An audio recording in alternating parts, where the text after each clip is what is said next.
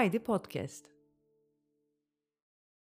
Turuncu Öykü Yazan Eren Sülün Turuncu saçları olan çok güzel bir kadındı.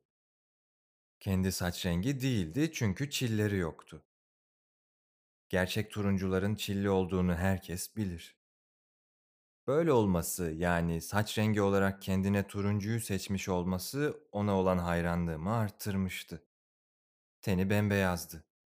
Uzun çizmeler giymişti. Külotlu çorabı vardı ama üstüne giydiği uzun siyah montundan dolayı etek mi elbise mi giydiği anlaşılmıyordu. Öğretmen miydi acaba? Ben de öğretmenim, dedim içimden. Onunla böyle bir denklik yakalamak gururumu okşadı. Ama bu fikri çok çabuk sildim kafamdan. En son bir yıl önce öğretmen atamaları yapılmıştı. Eğer öğretmense en azından bir yıldır bu şehirde bulunuyor olması gerekiyordu. Onu ilk kez görüyor olmam, onun buralı olmadığı çıkarımına varmam için yetersiz bir argümandı.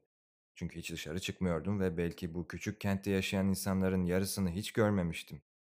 Ama onun bu kentte yeni olduğunu kanıtlayan şey, yürüyüşü, asil görünümü, hali tavrıydı. Berbat bir şehirde yürüyen bir kadın gibi davranmıyordu. Bunun bilincindeyse de umursamıyordu ki bu da olanaksızdı. Bu kadar güzel ve asil biri bu kentte bu kadar güzel ve asil davranamazdı. O bu kentte bir yabancıydı. Rus romanlarındaki, oyunlarındaki, son günlerde sokaklarda dolaşan bir yabancıdan söz ediliyor. Klişesinin Türkçe karşılığı gibiydi. Acaba kırmızı arabamla yanından geçerken beni fark etmiş miydi? Fark ettiyse hakkımda ne kadar düşünmüştü? Keşke arabayı satın aldığımda 34 olan plaka kodunu bu şehrinkiyle değiştirmeseydim. Buralı olup arabayla gezmekten başka yapacak bir şey olmayan gençlerden zannetmesini istemezdim beni. Yani öyle görünüyor olabilirdi ama ben farklıydım. Genç olarak tanımlayacaksa buradaki ayak takımı gibi değil de okuyan, yazan, dünyadan haberi olan, memleketin böyle gençlere ihtiyacı var denen gençlerden biri olarak tanımlasaydı hiç değilse. O zaman şansım olur muydu karşısında? Ama arabam iyi ki kırmızıydı. Yüzüğü olup olmadığına baksaydım keşke. Ama göremezdim ki o mesafeden. Hem çiseleyen yağmur görüşümü daha da bozuyordu. Acaba nasıl sevişiyordu? Uzun boylu ve hafif iriydi. Yok canım benden uzun değildi. Ama kolumu omzuna atsam hiç de estetik olmayan bir görüntü çıkardı ortaya. Olsun beline sarardım kolumu. Bunlar önemsiz detaylardı. Acaba hiç ortak tanıdığımız var mıydı? Geldiğim yoldan geri dönsem tekrar görebilir miydim onu?